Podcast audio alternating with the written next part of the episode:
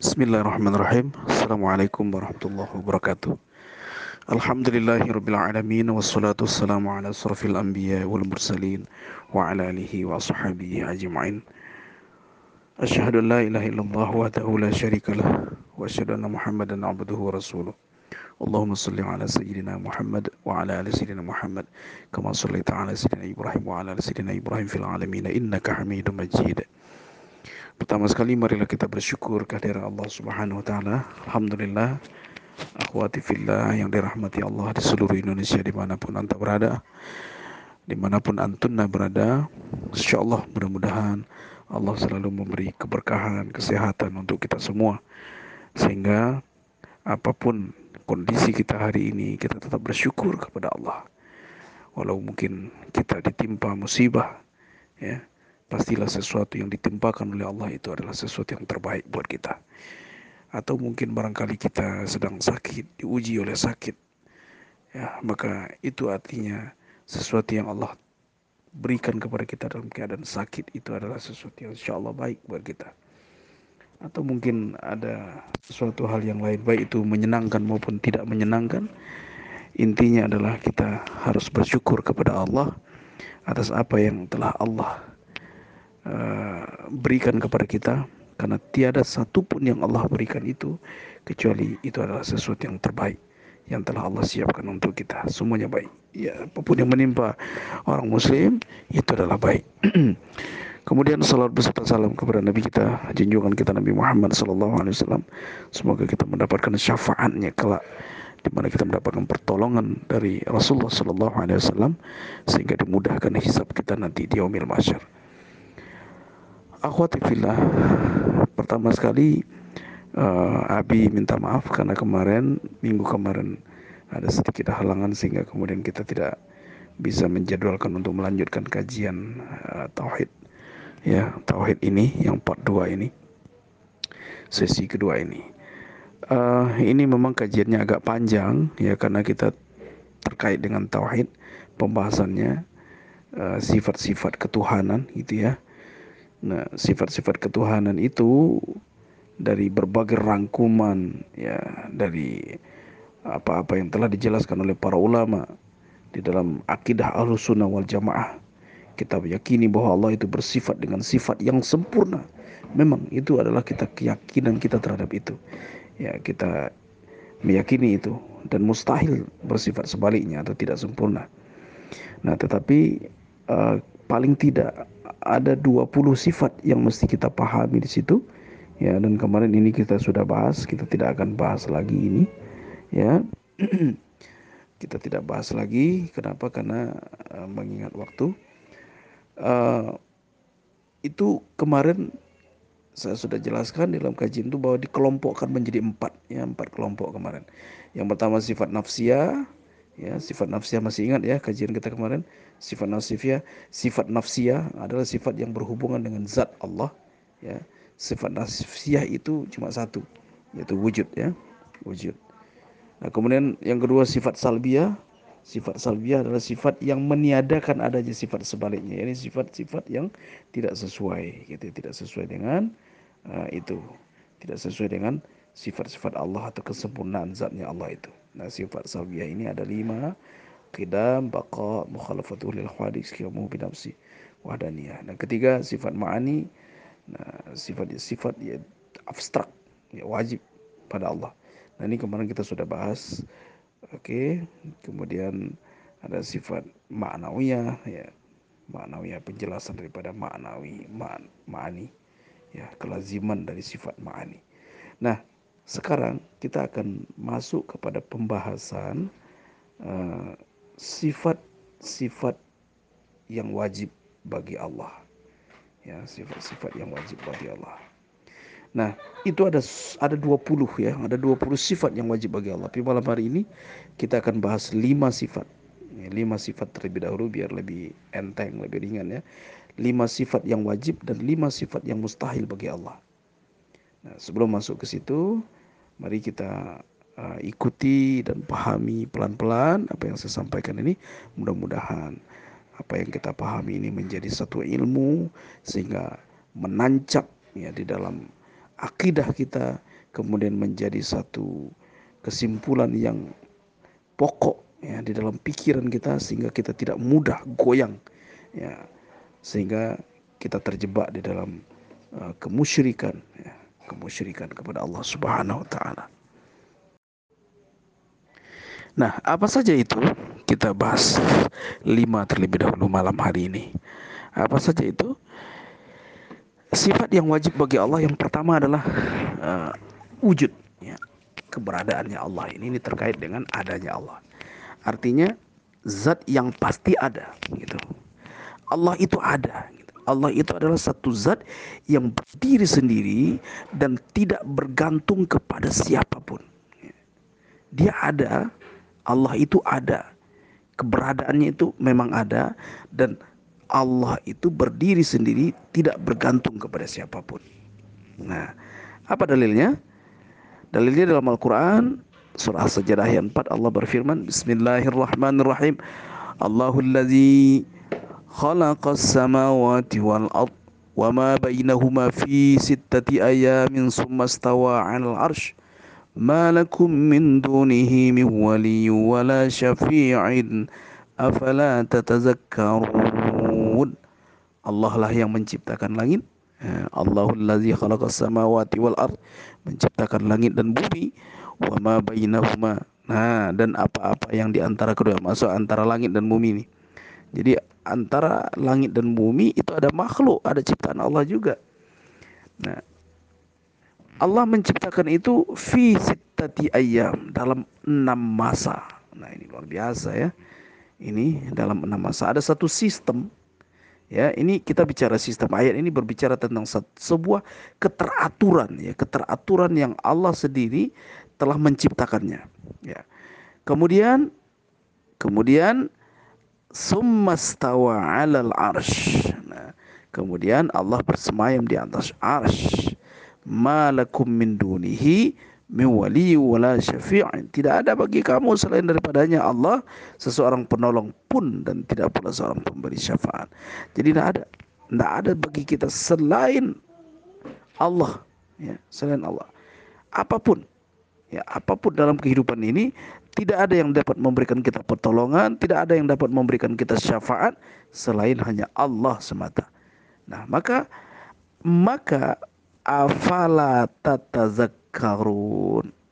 Apakah kamu tidak memperhatikan? Apakah kalian tidak berpikir apakah kalian tidak berzikir? Ya ya, tidak memikirkan sesuatu dengan hal yang mendalam gitu. Bahwa sesuatu apa yang terjadi dalam kehidupan kita ini ada sebuah keteraturan dan sesuatu yang sudah tercipta secara keteraturan tidak akan mungkin itu tidak ada penciptanya salah satu contohnya misalnya uh, Anda masuk ke dalam sebuah hutan, hutan lebat, tiba-tiba di dalam hutan itu ada batu bata bersusun-susun. Atau kemudian ada sebuah gubuk. Ya, gubuk. Gubuk lah, gubuk yang enggak enggak enggak begitu bagus-bagus amat gitu. Nah, kira-kira ya, kira-kira ketika kita melihat gubuk itu apa pikiran kita? Secara akal bahwa tidak akan mungkin itu berdiri kalau tidak ada yang membuatnya. Nah, sama seperti batu bata tadi tidak akan mungkin itu ada ya kalau tidak ada yang menyusun-nyusunnya. Nah, itu ada hal contoh kecil saja apalagi kehidupan ini. Ya, kehidupan. Coba kalau kita perhatikan kehidupan yang luar biasa ini mulai dari planet-planet gitu. Tadi disebutkan oleh Allah di dalam dalil ini bahwa dalam Al-Qur'an memberikan informasi kepada kita bahwa Allah yang menciptakan langit, Allah menciptakan bumi, kalau kita berbicara tentang langit, masya Allah, ya, langit adalah sesuatu yang sampai hari ini para ilmuwan pun belum bisa menaklukkannya, belum bisa mencapainya. Ya, dalam kecanggihan ilmu pun. Begitu juga bumi, kedalaman bumi. Bahkan kita menggali berbagai macam galian yang ada di dalam bumi, mulai dari emas, tambang nikel, ya, perak, perunggu, macam-macam, permata, ya, tetapi tidak satupun sampai hari ini. Sehingga kemudian orang bisa menggali sampai ke perut bumi ya. Tidak tidak ada satupun yang belum belum sampai ke situ.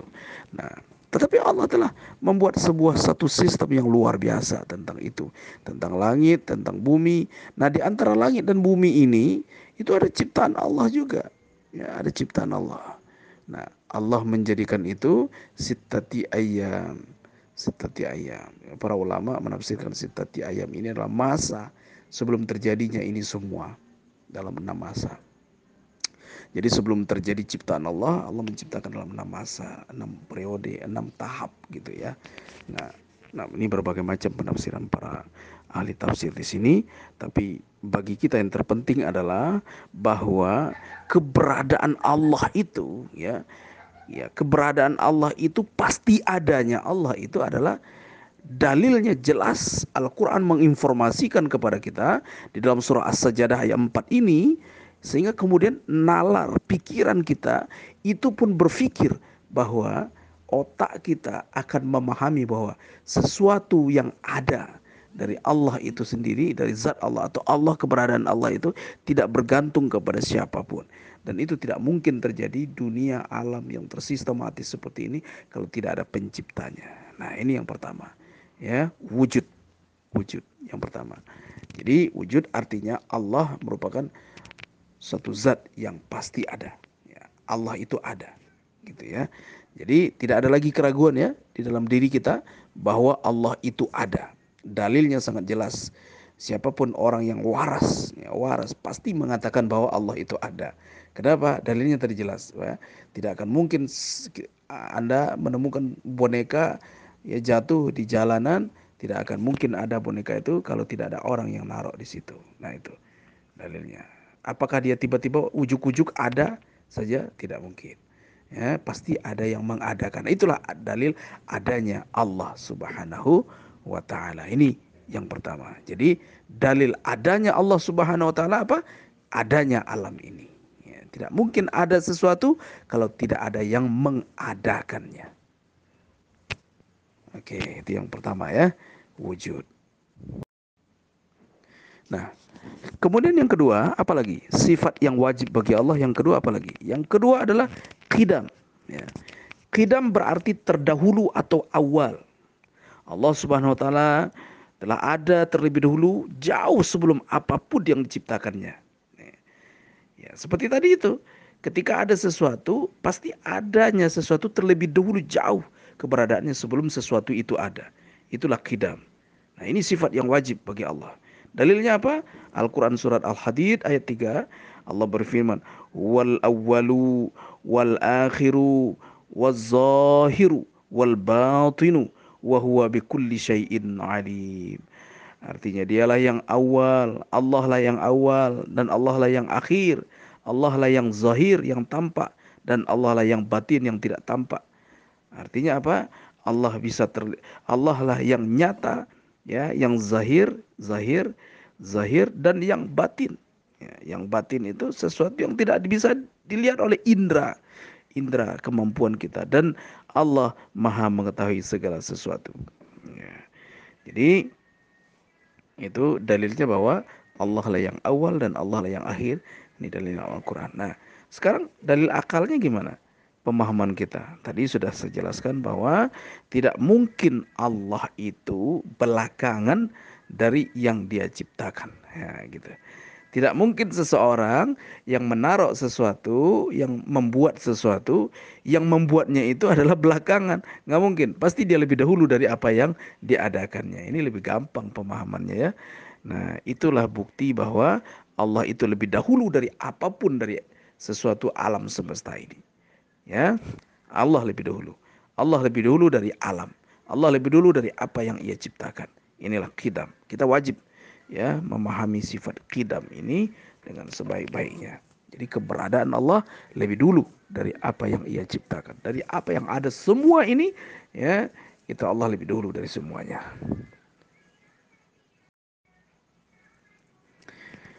Lalu kemudian yang ketiga, baqa. Ya, baqa berarti kekal atau abadi. Ya. Allah itu kekal atau abadi. Allah tidak ada matinya dan Allah tidak ada uh, berakhir. Allah maha kekal. Allah tidak akan bisa punah atau mati. Ya, dalilnya adalah Dalam Al-Quran surah Ar-Rahman ayat 26, 27, surah Al-Qasas juga ada ayat 88. Nah, kita lihat dalam surah Ar-Rahman ini ya. Kullu man alaihi alaiha kullu man alaiha fa in wa yafqa wajhu rabbaka zul jalali wal ikram. Semua yang ada di bumi itu akan binasa gitu ya dan tetap kekal zat Tuhanmu yang mempunyai kebesaran dan kemuliaan kullu man 'alaiha fanin. Kullu man 'alaiha fanin. Semua yang ada di bumi itu akan binasa. Nah ini dalilnya. Jadi apa pun yang ada di permukaan bumi, apa pun yang di alam ini fanin, fana. Semuanya fana. Fana itu artinya binasa, ya. Lalu kemudian dan yang kekal itu adalah zat Allah, zat Tuhanmu. Wajhu rabbaka zul jalali wal ikram yang mempunyai kebesaran dan kemuliaan itu hanya Allah yang kekal itu adalah Allah nah, jadi tidak mungkin Allah itu ya wajib bagi Allah ya, wajib bagi Allah pasti bagi Allah itu baka kekal ya, atau abadi tidak boleh bagi Allah itu tidak abadi. Allah maha kekal. Tidak akan ada bisa punahnya atau tidak ada matinya Allah subhanahu wa ta'ala itu. Nah, jadi kalau kita perhatikan dalam kehidupan kita ini, ya, kalau memang kita memahami tauhid secara mendetil, nanti kita akan pahami bahwa ternyata Allah Subhanahu wa taala Sang Maha Pencipta. Kalau masih ada yang kita ada Tuhan, gitu. ada Tuhan mati, ada Tuhan berakhir, ada Tuhan bisa luka. Itulah sifat-sifat yang tidak sempurna. Itu bukanlah Tuhan. Ya. Tuhan adalah sesuatu yang sempurna. Jadi kalau dia mati berarti dia tidak sempurna lagi. Begitu akhwati fillah yang dirahmati Allah. Kita masuk sekarang ke yang ketiga. Kita cepat aja. Nah, sekarang yang keempat ya. Kita masuk ke yang keempat mukhalafatuhu lil hawadisi ya, sifat yang keempat bahasa Arabnya mukhalafatu lil hawadisi apa artinya berbeda dengan makhluk ciptaannya jadi Allah itu berbeda tidak sama Allah subhanahu wa taala adalah zat yang maha sempurna dan tak ada satupun makhluk di dunia ini yang menyerupai Allah gitu Nah, itu adalah sifat mukhalafatul lil hawadis pada Allah SWT tertulis dalam Al-Quran. Nah, apa kata Allah dalam Al-Quran? Walam yakun lahu kufuan ahad. Dalam surah Al-Ikhlas ayat 4. Ya. Kemudian Allah juga berfirman dalam Al-Quran. Allah memberi informasi kepada kita tentang sifat mukhalafatul lil hadisnya Allah ini. Fatirus samawati wal ard. Bismillahirrahmanirrahim. Fatirus samawati wal ard ja'ala lakum min anfusikum azwajan wa minal an'am azwaja ya. Nah. Kemudian wa minal an'ami azwaja yazra'ukum fihi laisa kamislihi syai' syai'un wa huwal sami'ul basir. Jadi Allah itu yang menciptakan langit dan bumi, Allah juga menjadikan bagi kamu dari jenis kamu sendiri pasangan-pasangan dan dari jenis binatang ternak berpasang-pasangan pula ya. Wal an'am itu minal an'am azwajan juga berpasang-pasangan yazra'ukum ya dijadikannya kamu berkembang biak ya kum fihi laisa kamislihi nah tidak ada sesuatu pun yang serupa dengan Allah jadi berbagai macam Allah ciptakan mulai dari langit bumi Ya, Allah ciptakan kamu dari jenis kamu sendiri kata Allah berpasang-pasangan, binatang juga berpasang-pasangan. Nah, lalu kemudian berkembang biak apa yang dijadikan oleh Allah itu di muka bumi ini. Nah, laisa kamislihi syai'un. Tak ada satupun yang serupa dengan Allah dan Allah lah yang maha mendengar dan maha melihat. Allah maha mendengar, Allah maha melihat. Nah, ada satupun yang yang serupa dengan Allah. Allah menyatakan itu dalam Quran, memberikan informasi kepada kita bahwa diri Allah, ya Allah itu tidak menyerupai atas satu apa pun. Jadi kalau misalnya ada orang yang merasakan bahwa kehadiran Allah datang kepadanya cahaya, datang kepadanya sesuatu yang bisa atau masih bisa dinalar oleh otak dan akal fikirannya, masih terbayang olehnya, masih merasakan, masih membaui, ya, misalnya begitu. Nah, oleh indranya itu tandanya bukan Allah. Allah tidak seperti itu. Jadi kita tidak boleh bisa kita tidak dengan mudah tergelincir ya. Nah, jadi kenapa? Karena salah satu sifat yang wajib bagi Allah adalah mukhalafatu lil hawadisi. Nah, seperti itu. Bahwa Allah tidak menyerupai makhluknya. Tidak ada zat Allah adalah sempurna. Tak ada satupun makhluk dunia yang menyerupai Allah. Nah, seperti itu. Akhwati fillah yang dirahmati Allah. Kita masuk sekarang kepada sifat yang wajib bagi Allah yang kelima. Apa itu? Qiyamuhu binafsi. Ya, binafsi. Allah subhanahu wa ta'ala adalah zat yang berdiri sendiri. Nah ini maksudnya. Qiyamuhu binafsi. Tidak memerlukan bantuan. Allah tidak perlu bantuan dari siapa pun. Ya. Dan Allah tidak bergantung tidak ah, bergantung kepada siapa pun. Allah tidak bergantung. Allah berdiri dengan sendirinya. Nah, itulah kemudian yang menyebabkan bahwa sesuatu yang masih tergantung kepada sesuatu yang lain itu adalah bukan Allah itu makhluk. Ya, karena sifat kiamuh bin nafsi yang artinya itu berdiri sendiri. Jadi Allah berdiri sendiri. Allah tidak perlu pertolongan. Itu yang dikatakan bahwa kalaupun misalnya makhluk di muka bumi ini semuanya bejat semuanya semuanya kafir tidak menyembah Allah tidak masalah bagi Allah karena Allah tidak bergantung kepada makhluk mau bejat mau baik terserah bagi Allah karena Allah tidak bergantung kepada makhluk mau kita tolong Allah tidak perlu pertolongan yang justru membutuhkan pertolongan itu adalah diri kita nah sifat kiamuhu nafsi ini diterangkan oleh Allah dalam Al-Quran ya dalam satu informasi di dalam surah Al-Isra ayat 111. Nah, apa kata Allah? Wa qulil hamdulillahillazi lam yattakhiz walada yakul lahu syarikun fil mulki wa lam yakul lahu waliyyun minad dudl wa kabbirhu katakanlah segala puji bagi Allah. Alhamdulillahillazi lam yattakhiz ya lam yattakhiz walada. Yang tidak mempunyai anak. Ya, yang tidak mempunyai anak uh, walam walam yakullahu syarik syarikum fil mulk. Nah, dan tidak mempunyai sekutu. Allah tidak mempunyai sekutu tidak mempunyai kerjasama dengan siapa pun dalam kerajaannya dalam kekuasaannya ya, fil mulk walam yakullahu dan Allah bukan pula hina ya uh, walam walam yakullahu waliyyum minad zulli. Nah, Allah tidak pula hina yang memerlukan pertolongan. Agungkanlah Allah wa kabbirhu takbira dengan pengagungan yang sebesar. Jadi kita pantas untuk mengagungkan Allah. Kenapa?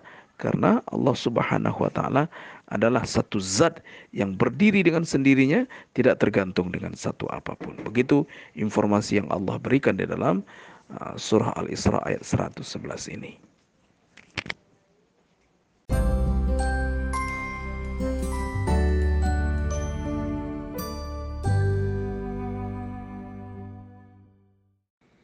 Penanya pertama, Assalamualaikum Ustadz, izin bertanya. Ada orang yang baru lima tahunan hijrah. Kajian yang diikuti belum intensif, sehingga dia merasa sangat fakir ilmu agama. Sedangkan dia juga harus bekerja dan saat ini sudah menginjak usia 30 tahun serta belum menikah. Menurut Ustadz, ilmu apa saja yang prioritas untuk dia pelajari secara intensif? Terima kasih. Baik, uh, Ukti, pada prinsipnya ada tiga ilmu yang wajib sebenarnya uh, untuk kita pelajari. Bukan hanya untuk anti, tetapi untuk kita semua yang mengaku sebagai seorang muslim. Karena sebenarnya para ulama membagi oh, kewajiban kita terhadap ilmu itu kepada dua bagian. Yang pertama disebut dengan fardu ain, yang kedua disebut dengan fardu kifayah. Fardu ain itu adalah di mana setiap kita wajib mempelajari ilmu itu ya tidak bisa digugurkan oleh kewajiban orang lain yang sudah melakukan atau mempelajarinya. Adapun fardu kifayah seperti ilmu-ilmu yang sifatnya uh, lebih mendalam ya, seperti ilmu hadis ya ilmu tafsir atau misalnya seperti ilmu kedokteran menurut beberapa ulama dan uh, beberapa ilmu-ilmu ulama-ulama mujtahid mengatakan bahwa itu ilmu seperti itu cukup fardu kifayah saja. Asal ada satu orang dalam satu kelompok sudah mempelajarinya maka gugurlah kewajiban uh, muslim yang lainnya. Nah, sekarang ilmu apa saja yang wajib kita pelajari? Nah, ini termasuk kepada anti dan kita semua tentunya, baik yang hijrah maupun yang uh, dalam keadaan sekarang sudah uh, ingin untuk apa memperdalam terhadap ilmu agama. Nah, ilmu yang pertama yang wajib kita pelajari itu adalah ilmu yang terkait dengan uh, keyakinan keyakinan atau akidah kita kepada Allah Subhanahu wa taala sehingga membatalkan uh, jika kita tidak memiliki ilmu ini batallah akidah kita. Nah, ini ilmu ilmu ini disebut dengan ilmu akidah ya, ilmu ketuhanan atau ilmu tauhid ini wajib dipelajari. Kemudian yang kedua yang disebut dengan ilmu fikih, ilmu yang terkait dengan sah dan tidaknya ibadah ya termasuk seperti contohnya ibadah sholat, bagaimana berwudu, bagaimana bersuci, bagaimana sahnya sholat, niat segala macam yang terkait dengan ibadah, termasuk juga seperti muamalah ya. Kita bertransaksi ya atau kemudian kita uh, bertijarah sah dan tidaknya baik ya, ada satu pasar di mana di sebuah uh, apa di satu tempat di Yaman itu ya orang tidak boleh masuk ke pasar itu kalau mereka belum tamat mempelajari satu bab tentang uh, ilmu tijarah atau ilmu tentang tentang muamalah ya tentang uh, berdagang. Nah ini wajib. Nanti yang kedua ilmu fikih kemudian yang terakhir adalah ilmu tentang bagaimana memperbaiki akhlak dan kesucian jiwa hati terhindar dari ria ya terhindar dari sombong ujub. Dan ini akan membatalkan amal ibadah seseorang berimal beramal dengan dengan luar biasanya hanya dengan sekejap saja hilang semua jika dia tidak mengerti ilmu tazkiyatun nafs ini untuk membersihkan hati dan membenarkan akhlak. Jadi ini tiga ilmu ini wajib ya. Jadi bagi anti yang uh, sekarang merasa bahwa kurang ilmu dan hijrah dan ini bukan hanya buat buat anti semua, buat kita semua sebenarnya ini wajib tiga ilmu ini wajib kita pelajari. Wallahu a'lam. Penanya kedua, Ustadz, apa hukumnya jika berbohong untuk menyembunyikan kebaikan diri sendiri? Misalnya, kami memberi barang lalu ditanya, pemberian ini dari siapa? Kita jawabnya dengan nama orang lain. Mohon penjelasannya. Kalau sifatnya itu sangat mempengaruhi sekali terhadap hati antum berdua, suami istri misalnya ya, ketika mau berbuat baik kepada orang lain, ya tidak apa-apa disembunyikan saja atas nama siapa atas nama siapa. Tapi itu kan bisa disamarkan. Contohnya ketika antum memberi ya ketika antum memberi berdua sama istri sama suaminya kepada seseorang bisa katakan uh, ini ada sedikit pemberian dari seseorang uh, yang dititipkan kepada kami ya nama beliau.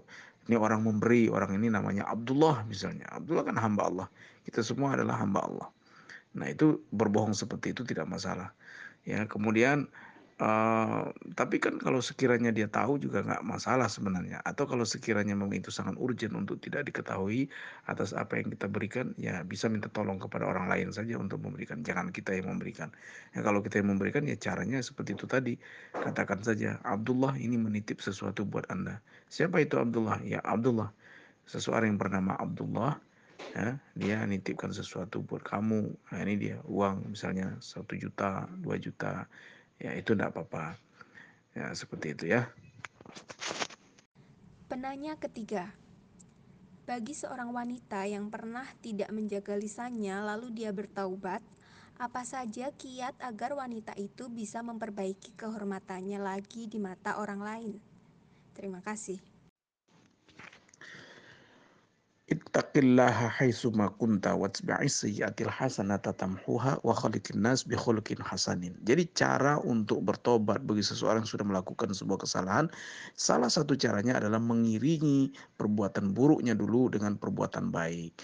Nah, kalau dia merasa bahwa perbuatan buruknya dulu itu adalah tidak menjaga lisan, lisannya sering memfitnah orang, lisannya sering membuat orang bertengkar gara-gara lisannya, lisannya menyakiti perasaan orang. Maka salah satunya adalah sekarang bagaimana ia bisa menjaga lisannya dengan tutur kata yang baik dan tidak hanya sekadar itu, tetapi dia juga mendakwahkan kepada orang lain agar bertutur kata yang baik. Dan jikalau dia melihat sesuatu terjadi kepada orang lain atas lisan yang tercela, lisan yang membahayakan orang lain, nah dia langsung menegur, dia langsung memperbaiki jangan sampai orang itu terjerumus sebagaimana apa yang telah ia pernah lakukan dulu. Ini yang disebut dengan ittab watbi'as sayyiatil hasanata tamhuha. Mengiringi perbuatan buruk dulu, perbuatan jelek kita dulu dengan perbuatan baik sekarang.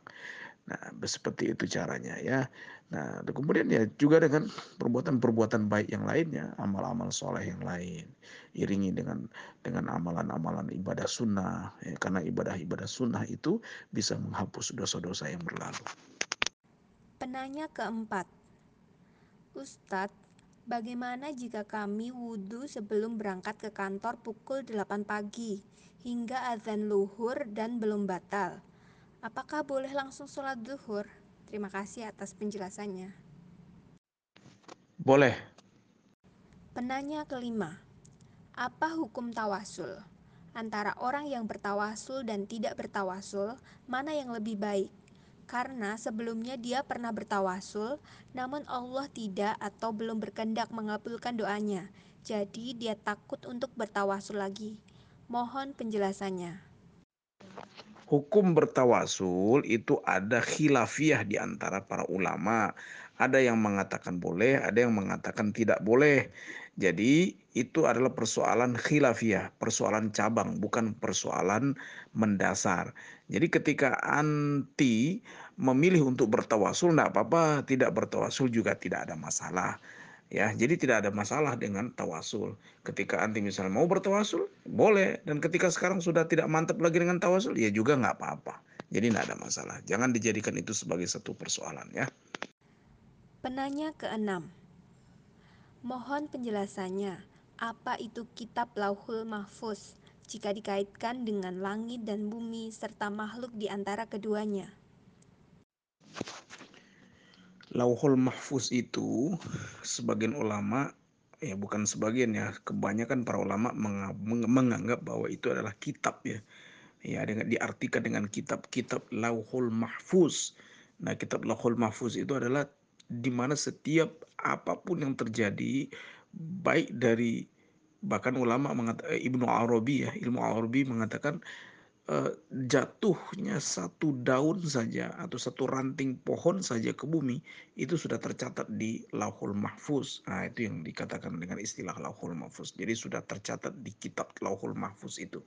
Nah, dan banyak sekali rahasia-rahasia takdir-takdir Allah yang ada di dalam kitab Lahul Mahfuz itu. Nah, jika dikaitkan dengan langit dan bumi serta makhluk di antara keduanya, ya Lahul Mahfuz adalah sebuah kitab takdir, ya, kitab takdir yang telah Allah catatkan dijaga oleh para malaikat sehingga rahasia-rahasia yang tersembunyi di situ makhluk ini ada dalam kitab Lahul Mahfuz. Itu yang disebut dengan atau yang dimaksud dengan kitab Lahul Mahfuz. Allah a'lam.